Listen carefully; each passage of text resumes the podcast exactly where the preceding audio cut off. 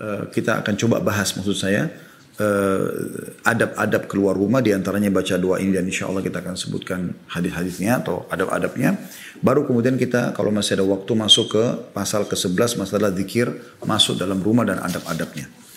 Baik teman-teman sekalian, kalau adab ya keluar rumah maka dianjurkan sekali untuk menggunakan kaki kanan. Mulai aktivitas dengan kanan. Karena dinukil bahwasanya Nabi alaihi salatu wassalam sangat suka dengan menggunakan sisi kanannya. Dalam sebuah riwayat Aisyah radhiyallahu anha, tentu hadis ini riwayat Bukhari nomor 5926 ya. Dikatakan karena Nabi sallallahu alaihi wasallam yu'jibuhu tayammunu fi tana'ulihi wa tarajjulihi wa tuhurihi wa fi sya'ni kulli. Nabi SAW sangat menyukai memulai dari sebelah kanan saat mengenakan sandal. Biasanya anda kenakan sandal kapan? Waktu mau keluar kan? Mau beraktivitas. Menyisir rambut. Umumnya juga orang pada saat mau keluar sisir rambutnya. Bersuci anda bersih-bersih baru Anda keluar rumah kan. Dan juga dalam segala urusannya. Dan ini hal yang mendasar yang harusnya difahami tentunya. Karena memang keluar dari rumah adalah hal yang baik. Ya. Kemudian termasuk yang perlu diperhatikan adalah zikir tadi yang baru kita baca. Membaca zikir keluar rumah. Rasulullah SAW bersabda, "Idza kharaja ar-rajulu min baitihi faqal." Kalau seandainya seseorang keluar dari rumahnya lalu dia membaca, Bismillahi tawakkaltu ala Allah la hawla wa la quwata illa billah. Dengan menyebut nama Allah, aku berserah diri kepadanya. Tidak ada daya dan kekuatan kecuali milik Allah. Yang tadi sudah kita baca ya. Qal yuqalu hina idhin hudita wa kufita wa wukita. فيقول له syayatin fayaqulu lahu لك akhar kaifa laka birajulin kad hudiya wa kufiya wa wukiya. Jika seseorang keluar dari rumahnya, saya ulangi kembali terjemahannya ya. Hendaklah dia membaca zikir Bismillah dengan nama Allah Tawakal tu Allah, aku berserah diri kepada Allah. La haula wa quwata illa billah. Tidak ada daya dan kekuatan kecuali milik Allah. Maka malaikat akan berkata kepada si pembaca tadi. Sungguh kamu telah diberi petunjuk oleh Allah. Dicukupkan dari segala keperluan. Dan akan selalu dijaga dari semua keburukan. Perhatikan ya. Ini Malaikat memberikan jawaban kepada orang yang baca ini bahwasanya kau telah diberi petunjuk oleh Allah. Karena kau bisa baca ini maka kau dapat petunjuk dari Allah. Tidak semua orang membacanya. Orang banyak anggap remeh atau tidak menghafalnya. Kemudian segala kebutuhan akan dicukupi. Sekarang kau keluar dari keperluan apa? Sudah tercukupi dengan doa ini. Ditambah lagi kau akan dijaga dari semua keburukan. Belum selesai teman-teman hadisnya. Apa kata Nabi SAW? Sehingga syaitan-syaitan tidak bisa mendekatinya. Dan setan yang lain berkata pada temannya, bagaimana mungkin kau bisa mencelakakan seseorang yang telah diberi petunjuk, dicukupkan, dan dijaga oleh Allah Azza wa Hadis riwayat Abu Daud nomor 5095. Ini luar biasa doa ini. Luar biasa. Hafal mati teman-teman sekalian. Ajarkan, amalkan dan ajarkan kepada pasangan kita, kepada anak-anak kita, kepada teman-teman, kepada staf di kantor. Ajarkan mereka agar baca ini. Karena ini tiga jaminan langsung. Dapat petunjuk dari Allah, dipenuhi semua kebutuhan dan dijaga dari segala keburukan. Kira-kira apa lagi yang syaitan mau lakukan? Makanya sangat jelas ya kata syaitan di sini Nabi SAW berikan kepada kita bocorannya ya. Dia mengatakan pada temannya syaitan yang lain, bagaimana bisa kita mengganggu lagi orang yang sudah diberi petunjuk, dicukupkan kebutuhannya, dan juga diselamatkan dari segala keburukan. Tidak ada lagi pintunya syaitan. Itu luar biasa teman-teman sekalian. Ya. Jadi jangan sampai luput masalah ini. Dan syaitan ini selalu coba menggelincirkan maksud dan banyak ayat Al-Quran yang sudah kita tahu. Saya tidak panjang lebar bahas itu tentunya. Tapi syaitan berusaha menjadi musuh bebuyutan kita. Dia menggoda secara langsung. ya Atau dia menggunakan syaitan-syaitan manusia dari teman-temannya untuk mencelakakan kita. Baik itu penipuan, gunjing giba, fitnah, kecelakaan, banyak sekali yang bisa terjadi tentunya. Tapi dengan kita membaca ini maka kita akan secara otomatis terpenuhi segala kebutuhan kita. Nah ini luar biasa teman-teman. Kata Syekh Abdurrahman As-Sa'di, beliau mengatakan barang siapa yang berserah diri dan bersandar sepenuhnya hanya kepada Allah Azza wa Jal dalam semua urusan agama dan dunianya, ya, maka Allah Subhanahu wa taala akan memenuhi kebutuhannya dan juga menolak keburukan darinya atau yang akan menimpa dirinya. Maka Allah pun akan memudahkan segala urusannya. Kalau doa, uh, kalau yang lainnya tentu masalah tawakal cukup panjang ya. Uh, saya pernah kalau tidak salah bahas tentang uh, indahnya atau dahsyatnya tawakal kepada Allah gitu. Itu luar biasa gitu loh. Bagaimana orang kalau betul-betul bertawakal. Dan apa itu tawakal teman-teman sekalian? Artinya kita berikhtiar dulu, kemudian kita serahkan kepada Allah hasilnya. Dan tidak masuk dalam tawakal kalau seseorang belum berusaha, terus tiba-tiba saja main tawakal. Ini sudah panjang lebar pernah kita jelaskan di satu pertemuan khusus bahas masalah tawakal. Pernah ada sahabat begitu, dia tidak mengikat, dia mengatakan, Ya Rasulullah, apakah aku ikat dulu untaku baru tawakal, atau aku lepaskan saja lalu aku tawakal? Kata Nabi SAW, ikat dulu baru kau tawakal. Kalau kita kunci dulu mobilmu, motormu, ikhtiar dulu kunci rumah, kemudian tawakal Allah. Nah kalau sudah tawakal Allah jadi pencukup bagi. Nah ini penting sekali ya untuk kita memperhatikan masalah ini tentunya. Kemudian doa yang kedua tadi yang kita minta empat hal ya. Allahumma inni a'udzubika minan adhilla au udhalla. Ya Allah jangan sampai aku lindung kepadamu jangan sampai aku sesat. Aku aku disesatkan atau aku disesatkan. Au azilla au uzalla. Aku aku tergelincir atau aku menggelincirkan orang lain maksudnya dalam kemaksiatan. Au adlima au udlam atau aku berbuat kezaliman atau aku dizalimi. Au ajhala au ijalu alayya. Atau aku membodohi aku atau dibodohi oleh orang lain. Ini hadisnya adalah dinukil dari Ummu Salamah radhiyallahu anha istri Nabi SAW beliau berkata, "Ma kharajan Nabi sallallahu alaihi wasallam min baiti qattun illa rafa'a tarf illa rafa'a tarafuhu ila sama' faqal." Tidak pernah Nabi SAW keluar satu kali pun, satu kali pun tidak pernah keluar dari rumah kecuali beliau selalu mengangkat matanya ke langit sambil membaca. Ini yang dia baca tadi doa itu.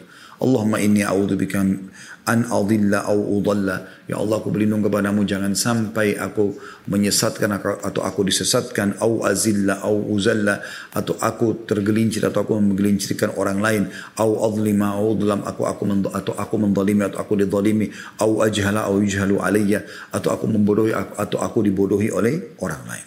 Hadis ini riwayat Abu Daud nomor 5094. Ini luar biasa. Ya, ini luar biasa gitu. Kemudian teman-teman sekalian yang ketiga, keluar dengan niat ketaatan. Ini penting juga ini.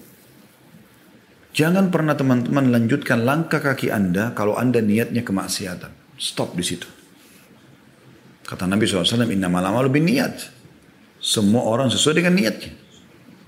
Maka usahakan semua yang kita ingin aktivitaskan pada hari itu adalah kebaikan dan kebaikan yang dipandang baik oleh Allah dan Rasulnya. Tidak ada yang lain. Walaupun baik di seluruh mata manusia, tapi kalau di mata Allah SWT buruk jangan. Anda mau transaksi haram, Anda mau apa saja, apa saja, niatnya berhentikan. Makanya kata Nabi SAW, siapa yang bernazar taat kepada Allah, lakukan. Dan siapa yang bernazar maksiat kepada Allah, batalkan. Batalkan. Ya. Karena maksiat itu teman-teman seperti racun. Anda minum sedikit atau banyak bisa mematikan buat Anda. Dan kalaupun Anda minum cuma setetes racun, sebenarnya dia bisa disterilkan misalnya dengan susu misalnya. Tapi nggak cukup dengan setetes susu. Harus dengan mungkin segentong susu baru bisa mengalahkan setetes racun itu. Maksiat itu bahaya sekali. Tentu semoga Allah SWT maafkan yang lalu-lalu. Kita kalau sedang bahas seperti ini, kita bicara ke depan. Karena saya sama Anda mungkin tidak luput dari maksiat kepada Allah SWT. Tapi kita coba memperbaiki diri kita menjadi orang yang lebih baik, lebih dekat kepada Allah Subhanahu wa taala, bertobat dan beristighfar dan coba berusaha tidak mengulanginya. Oleh karena itu kalau keluar rumah teman-teman niatnya baik. Niat silaturahim keluarga, niat membantu orang, niat mencari rezeki yang halal ya. Uh, niat menjalin ukhuwah, niat kegiatan sosial, apalah ya, kegiatan sosial lain, niat sholat berjamaah di masjid, niat apalah jenguk orang sakit, banyak kebaikan-kebaikan. Kapan berbau kemaksiatan tutup. Tidak usah. Ya. Karena bisa saja Anda lakukan ternyata Allah tutup hidup Anda dengan itu. Semoga Allah jaga kita tentu. Yang keempat teman-teman. Menutup aurat. Ini juga tidak kalah penting. Ini adab dalam Islam. Ya. Menutup aurat bagian daripada perintah agama. Baik laki-laki maupun perempuan. Ya. Allah subhanahu wa ta'ala berfirman. Tentu ini ayat ini lebih banyak fokus kepada wanita. Tapi kan tentu laki-laki juga sama. Karena Nabi SAW juga menutup auratnya dan memerintahkan kaum laki-laki juga. Tapi ayat ini misalnya, karena ini banyak yang terjadi pada kaum wanita ya. Mereka berpikir tidak perlu tutup aurat. Nah, mungkin syaitan bisikin kalau dia bercermin, oh tutup aurat itu uh, apa sih? Nah, apa, apa kok ya, nggak penting, bukan wajib. Toh yang penting saya sholat misalnya. Ya, padahal sebenarnya setiap muslimah walaupun dia tidak belum tutup auratnya, kalau dia pakai mukena pada saat lagi sholat misalnya, pastikan dia pakai mukena. Kalau enggak nggak sah sholatnya. Dia bisa rasakan secara fitrah ketenangan jiwa. Nggak mungkin. Orang kalau pakai jilbab sudah itu, ada seperti pelindung benteng yang sangat kuat. Subhanallah ini dibuat pengakuan oleh orang-orang non muslim di Amerika, Anda bisa lihat cuplikannya di YouTube ada, yang coba diajak, kalau tidak salah di Inggris atau di Amerika salah satu ya. Saya pernah cuplikannya itu, beberapa wanita lewat, orang kafir tidak ngerti apa-apa, disambut oleh beberapa anak-anak muda muslimah. Mereka beristihad, mereka coba gitu kan. Berusaha, mereka datangkan jilbab baru segala macam. Lalu mereka bilang, mau nggak uh, kalian tes ini, coba gitu. Maka ada di antara mereka yang mampir mau coba. Kemudian ditanya tanggapan. Pada saat mereka pakai, ada yang sampai terharu menangis. Baru disentuhkan kain saja tutup gitu. Tapi umumnya jawaban mereka unik gitu. Pada saat mereka jawab, hampir sepakat semua mengatakan, ada yang mengatakan saya seperti berada di sebuah benteng yang sangat kuat. Ada yang mengatakan saya merasakan ketentraman. Padahal kain. Allah SWT pencipta anda menyuruh itu. Jadi kalau ada bisikan syaitan, musuh kita semua yang mengatakan kalau pakai jilbab nanti kelihatan tua, nanti kelihatan jelek, ini waswas syaitan wahai saudariku. Lawan, harusnya dilawan. Karena dalam hadis yang lain kata Nabi SAW, syaitan itu ya wanita itu aurat. Kapan dia keluar, dia akan dipantau oleh syaitan. Istashrafaha syaitan. Itu uh, orang Arab mengatakan bahasa ini artinya seperti orang kalau mau lihat jarak jauh dia taruh telapak tangannya di atas matanya, nah seperti itu. Jadi begitu syaitan melihat wanita tidak keluar dipantau sama dia dilihat, nah ini target utamanya. Ya. Jadi tutup aurat saja masih bisa tergoda, bisa bisa menggoda apalagi kalau tidak. Pernah diadakan juga penelitian oleh beberapa anak muda. Saya lihat cuplikan di Amerika ya, ada di YouTube tentunya. Saya tidak ingat nama channelnya, mohon maaf, tapi saya sepintas waktu itu lihat. Ada seorang wanita dipraktekin jalan pakai jilbab. Subhanallah sepanjang jalan ada kamera bersama dia ada seseorang di depannya jalan pakai kamera. Ya, tapi kamera itu tersembunyi sehingga orang tidak tahu. Temannya jalan di depan pakai kamera, nyorot ke belakang, perempuan di belakangnya pakai jilbab jalan. Tidak ada satupun orang yang mengganggunya. Tidak ada satupun orang mengganggunya. Bahkan subhanallah ada dipraktikin dua muslim, satu perempuan, satu laki-laki. Coba mau melihat bagaimana sih respon masyarakat Amerika dengan wanita yang berjilbab gitu kan.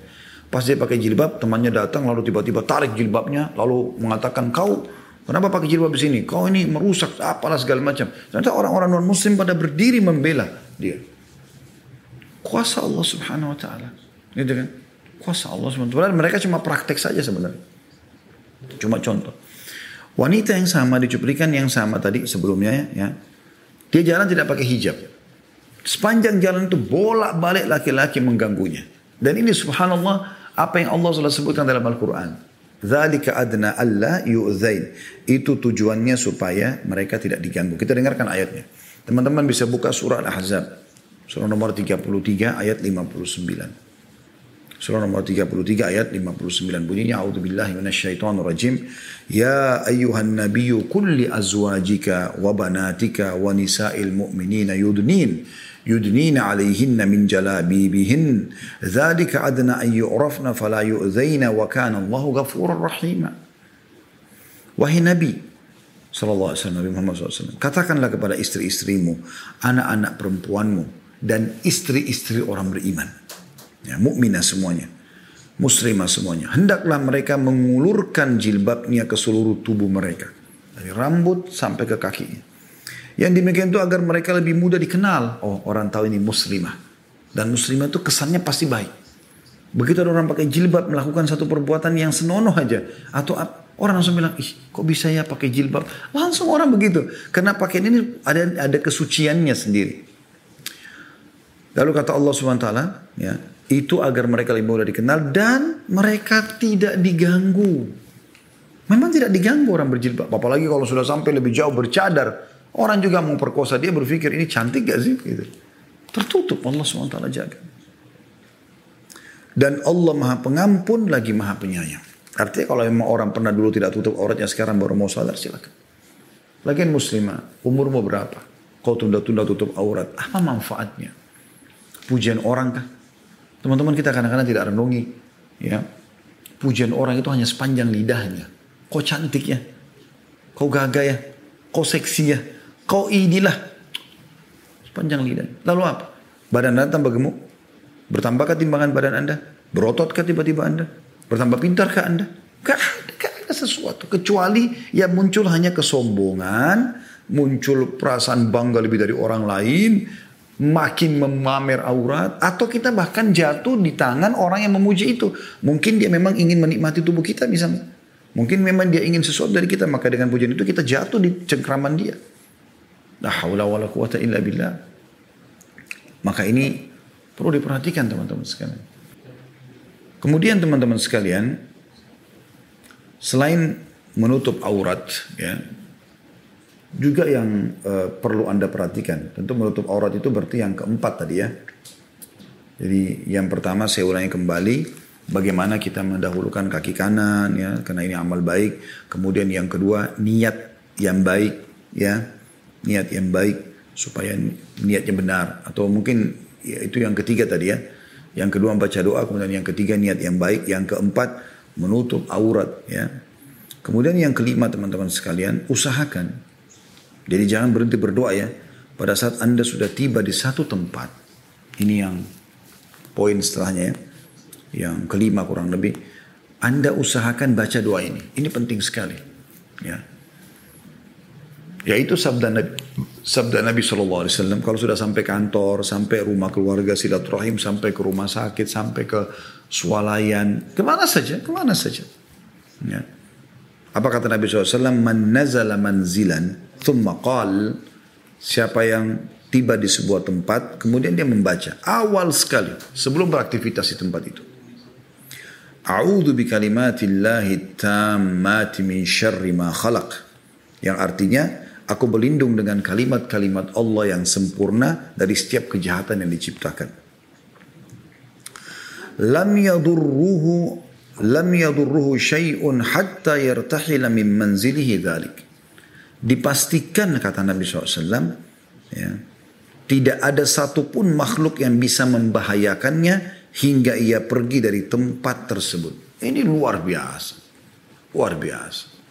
Dan ini hadis sahih riwayat Muslim nomor 2708. A'udzu bi kalimatillahi tammati min syarri ma khalaq. Pendek. Aku berlindung dengan kalimat-kalimat Allah yang sempurna dari semua keburukan yang telah diciptakan. Ya.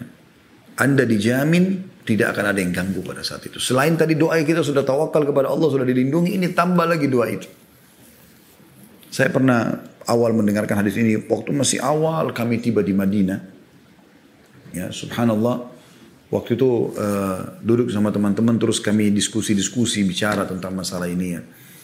Kemudian dinukillah nukil seorang syekh. Subhanallah saya lupa namanya. Karena itu saya masih kelas 3 SMA awal tahun 90. 19 eh, maaf 1993 waktu itu kalau salah. 92 93 gitu. Uh, kemudian uh, ada seorang syekh dinukil oleh teman kami Eh, saudara dekat saya fillah karena Allah SWT Muhammad Rahili hafidhahullah sahabat dekat saya Dr. Muhammad Rahili di Madinah beliau adiknya Dr. Sulaiman Rahili beliau mengatakan dinukil dari seorang ulama saya lupa nama beliau siapa kalau bukan Syekh Bimbas atau ulama yang lain gitu yang mengatakan saya selama 40 tahun ya saya selama 40 tahun tidak pernah sama sekali dia bilang ya diganggu oleh apa pun setiap turun di sebuah lembah karena selalu saya baca doa ini. A'udzu bikalimatillahi tammati min syarri ma khalaq. Dan satu waktu selama 40 tahun itu pernah saya lupa sekali. Maka kaki saya disengat oleh kala jengking. Baca doa ini teman-teman sekalian. Subhanallah saya ingat dulu tuh masih SMA juga di Madinah. Uh, awal kami pelajari doa ini. Ada satu uh,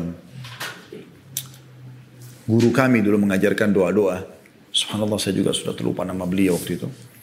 Uh, dia mengatakan pada saat sudah mengajar kami doa ini dia mengatakan saudaraku anak-anak waktu itu beliau karena kita masih SMA beliau sudah masya Allah berumah tangga beliau mengatakan saran saya doa ini diamalkan bukan hanya sekedar keluar rumah bukan hanya sekedar uh, mampir di sebuah tempat tapi coba kalian baca misal dari kamar ke ruang tamu dalam rumah dari ruang tamu ke teras depan, ke taman, ke mana lah garasi, baca. Karena jawabannya atau hasilnya, janjinya adalah kalau kita baca di satu tempat, kita akan aman di tempat itu. Tidak akan ada bisa ganggu sampai kita tinggalkan tempat itu. Artinya kalau kita baca teman-teman kita ikat diri kita setiap kali kita putar di lokasi tempat rumah kita saja. Atau dari lantai satu ke lantai dua kantor atau lantai sepuluh. Atau kita ke parkiran. Atau, gak akan ada yang ganggu kita. Karena setiap baca doa itu di situ dia aman. Kita pindah lagi satu tempat kita baca kita aman lagi. Aman terus gitu. Ini janji. Ya. Amalkan teman-teman sekali. Sayang sekali. Sayang sekali ada tidak amalkan ini. Ada tadi uh, saya minta sama teman-teman tim untuk datangkan dan sudah ada Alhamdulillah. Saya sarankan teman-teman yang belum berhijab, ya karena tadi salah satu adabnya keluar rumah adalah menutup aurat ya. Bagi anda akhwat yang belum berminat untuk berhijab atau anda laki-laki pun di sini ataupun perempuan yang sudah berhijab kalau perempuan atau ada laki-laki ingin membagi-bagikan buku yang bermanfaat, ini saya sarankan. Wahai ukhti, kenapa engkau tidak berjilbab? Buku ini kecil sekali. Ya. Tapi Masya Allah banyak sekali gambaran-gambaran yang beliau berikan di sini. Penulisnya Abu Muhammad Ibnu Salih bin Hasbullah. Judul, judulnya kenapa wahai mukti wahai ukti kenapa engkau tidak berjilbab? Harumnya surga tidak akan tercium oleh mereka yang tidak istiqomah dengan syariat Allah. Ya. Eh, di sini banyak sekali uh, dinukil dalil dalil-dalil gitu kan.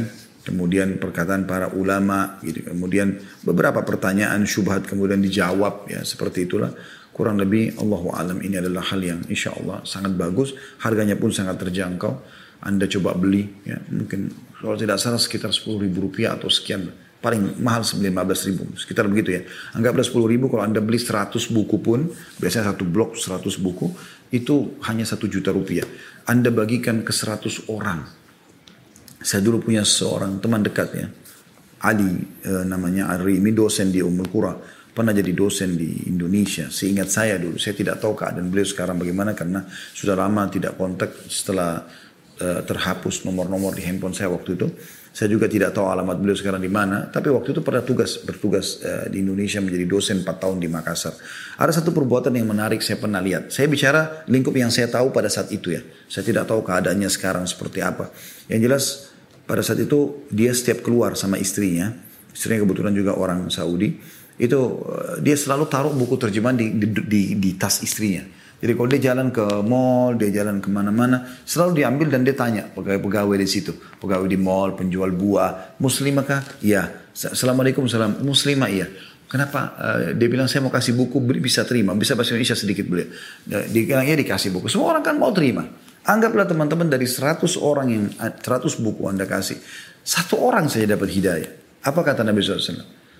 Kalau seseorang kepada Ali bin Abi Thalib pada saat pembebasan Khaybar, hai Ali bin Abi Thalib, majulah dengan pelang dengan tenang menghadap benteng musuh, lalu tawarkan mereka Islam, lalu kalau mereka nolak tawarkan mereka upeti, kalau mereka nolak lalu perangi mereka, ya. Dan ketahuilah Ali, kalau ada satu orang menjadi sebab kau dia mendapatkan hidayah, kau jadi sebabnya, maka lebih baik daripada humurun ni'am. Humurun ni'am itu puntah merah, artinya sebuah pahala yang sangat besar yang Allah janjikan di situ. Ya. Ini teman-teman sekalian keluar rumah. Dan berikut adab yang sempat kami uh, susunkan. Mungkin kalau teman-teman pernah baca ada yang lain daripada itu. Maka itu insya Allah uh, apa namanya hal yang bagus untuk ditambahkan ya. Kemudian saya juga ingin uh, tambahkan tadi selain doa yang anda pada saat turun di sebuah tempat baca bi kalimatillahi tamat misyari makhluk. Jangan lupa juga ini bisa ditambahkan di poin setelahnya ya. Uh, yaitu setiap kali Anda mau berdiri jangan lupa baca kafaratul majlis. Misalnya habis meeting ya, ini kan sering teman-teman mungkin di Japnas yang sekarang lagi hadir pengusaha-pengusaha masya Allah. Anda uh, mungkin tidak tidak luput dari meeting hampir setiap hari mungkin meeting. Maka pada saat mau bubar ber, ber, ber, ber, habis meeting habis apalah briefing pun atau apalah yang anda lakukan misalnya. Ya, atau teman-teman bukan ikuti kita guru habis mengajar, murid-murid habis uh, belajar, mungkin habis makan keluarga di meja makan atau duduk ngobrol teman-teman baca. Kata Nabi SAW siapa pun yang berdiri dari sebuah majlis, kemudian dia baca Subhanakallah wa bihamdik, Maha suci engkau ya Allah segala puji bagimu. Asyhadu an la ilaha illa ant. Aku eh, bersaksi tidak Tuhan yang berhak disembah kecuali Engkau. Kecuali Engkau astagfiruka wa atubu ilaik. Aku bertobat, beristighfar dan bertobat kepadamu. Ini mirip dengan doa selepas udu yang kita pelajari yang lalu ya kecuali akan dimaafkan kesalahan-kesalahannya yang telah terjadi di saat dia duduk tadi. Mungkin ada kita salah ucap, mungkin kita ini itu ada dosa, maka dimaafkan dengan itu.